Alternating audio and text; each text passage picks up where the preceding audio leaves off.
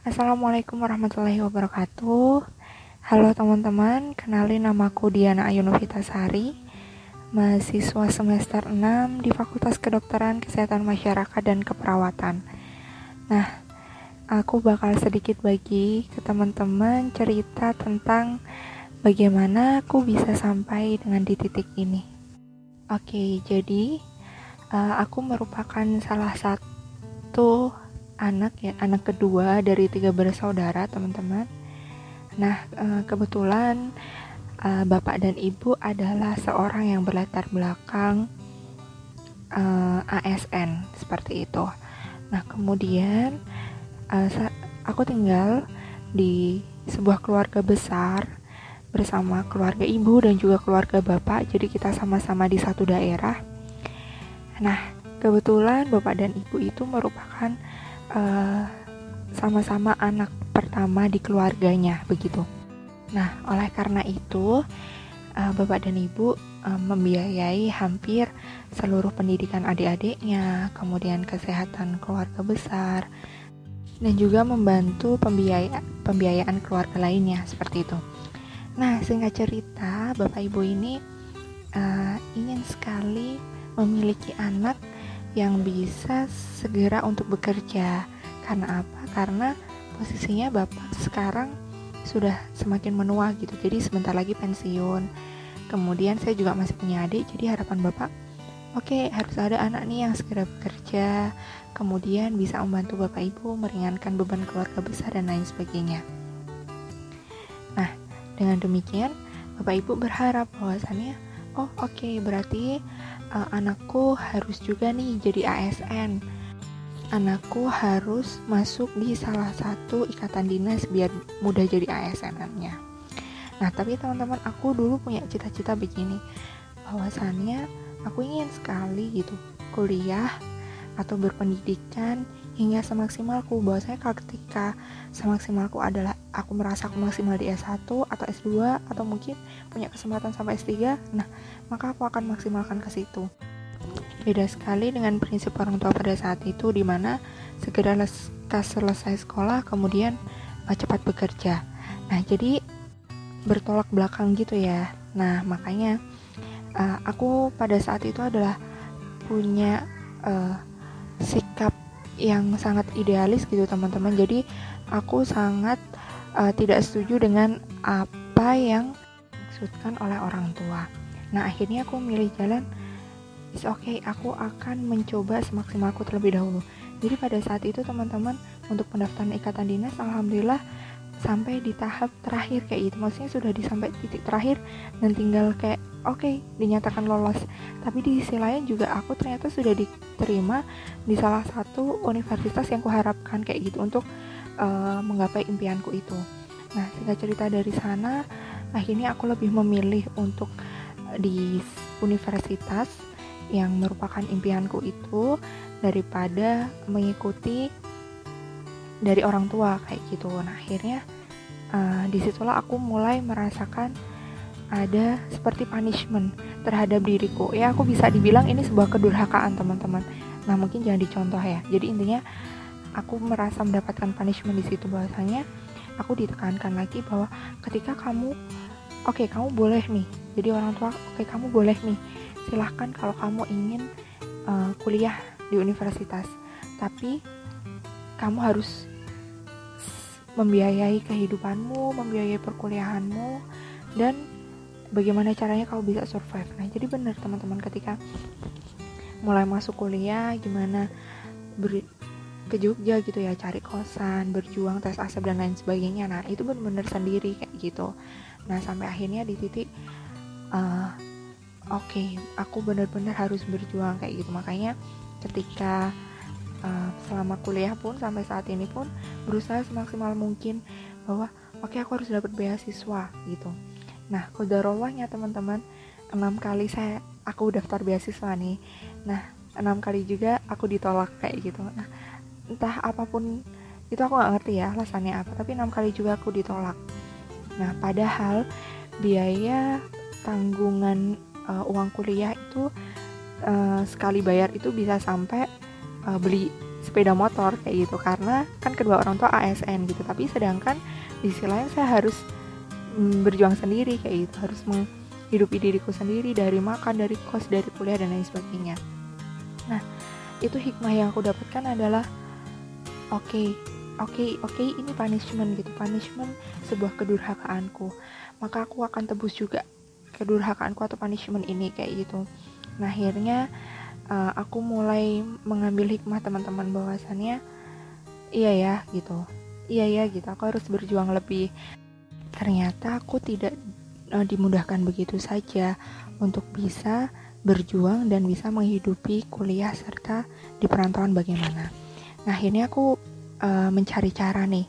Oke, okay, berarti aku harus mengandalkan kemampuan dengan cara apa? Dengan cara part time. Jadi teman-teman uh, kebetulan bahkan sampai sekarang tuh masih sering banget part time. Nah, tapi kalau sekarang sih enjoy dengan part time-nya karena apa?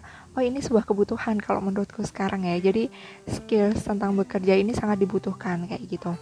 Nah, Kemudian aku juga berusaha untuk aktif di kampus, jadi ikut organisasi. Untuk apa sih organisasi-organisasi ini? Untuk mempermudah relasiku atau memperbanyak jejaring supaya ketika ada kesempatan apa pun tentang pekerjaan, tentang rezeki, itu yang dapat mempermudah diriku. Nah, kemudian aku juga berusaha untuk ikut lomba-lomba, baik lomba regional, kemudian nasional. Nah, bahkan aku sampai punya plan, oke okay, aku pokoknya aku pengen bisa nih untuk bisa dapat sampai juara satu nasional, dapat gold medal dan lain sebagainya. Itu sebuah capaian yang bahwasannya pada saat itu pikirannya akan mendapatkan hadiah yang besar, yang banyak uangnya kayak gitu. Dari sana kemudian lagi-lagi ditampar teman-teman bahwasannya segala sesuatu itu tidak bisa diukur secara materi kayak gitu. Dan kebahagiaan atau apa pun yang diusahakan itu bukan hanya imbalannya berupa materi jadi aku pernah ada di titik di mana bapak sakit, kemudian ekonomi keluarga menurun, kebutuhan keluarga besar sangat tinggi dan mendesak, dan bertepatan juga dengan di titik di mana aku harus bayar uang kuliah. Jadi sangat benar-benar tidak bisa ada yang bisa diharapkan kayak gitu. Nah akhirnya di titik itu benar-benar pernah sampai di tahap di mana uh, aku PP Jogja daerah asalku itu sampai PP seharian. Jadi berangkat kuliah pagi kemudian sore pulang ke rumah kemudian bantuin ibu bantuin bapak di rumah kayak gitu.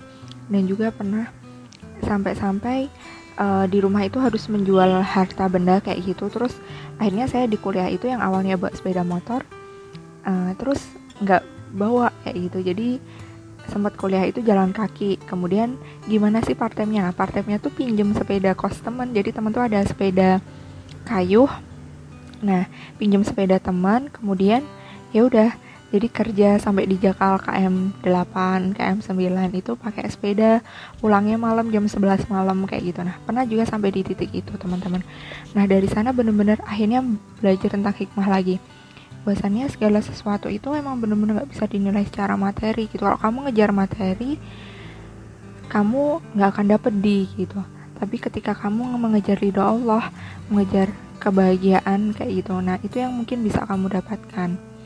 Nah akhirnya oke okay, fokus deh. Fokus satu persatu diselesaikan.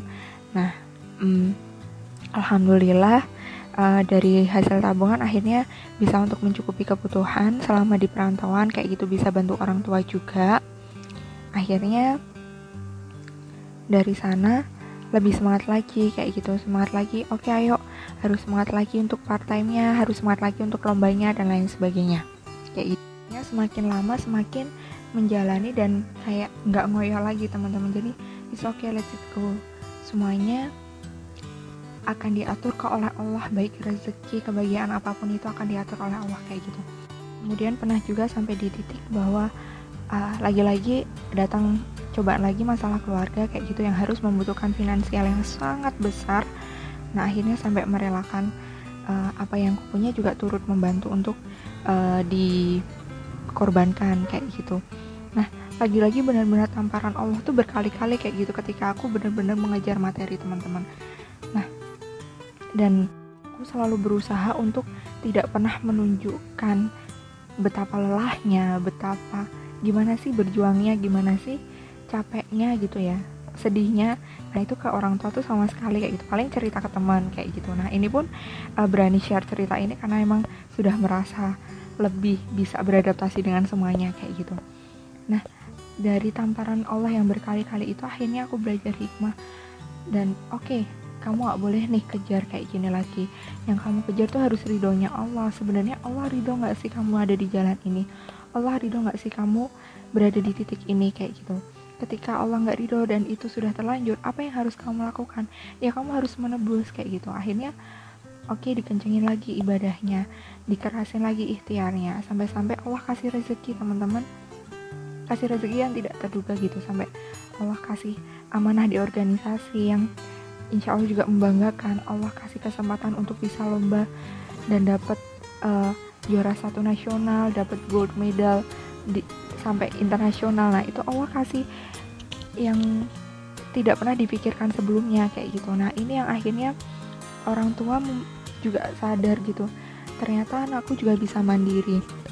Ternyata uh, dia juga bisa loh membantu kayak gitu. Nah dari sanalah orang tua lebih bangga lebih bangga lagi gitu. Nah kemudian uh, dari cerita yang uh, cukup panjang sebenarnya teman-teman itu ditempuh tiga tahun ini ya nah aku belajar uh, sebuah hikmah yang cukup luar biasa. Ternyata sebuah idealisme sebuah cita-cita itu adalah tentang pengorbanan tentang perjuangan yang harus diiringi oleh restu dan ridho. Nah itu yang paling penting. Jadi apa pun yang kita usahakan itu pasti apa yang kita cita-citakan. Tapi apa pun itu sangat penting untuk bagaimana itu mendapatkan ridho dan restu orang tua dan juga sesuai dengan ridho Allah. Jadi apa pun dijalankan sesuai dengan syariat-syariatnya dan tidak menentang kayak gitu. Nah itu nanti Allah akan kasih hadiah yang luar biasa. Dan emang setiap manusia itu akhirnya batas untuk ujiannya itu masing-masing hadiahnya itu porsinya juga masing-masing. Kadang pernah iri sih teman-teman jadi kayak kok dia bisa sih keterima beasiswa itu? Aku aja yang kayak gini gak keterima. Terus aku daftar 6 kali beasiswa juga gak keterima padahal kondisinya kayak gini dan lain sebagainya. Nah itu yang kadang bikin iri kan. Tapi kembali lagi apa sih niatnya apa sih tujuannya apa sih hikmahnya? Nah itu.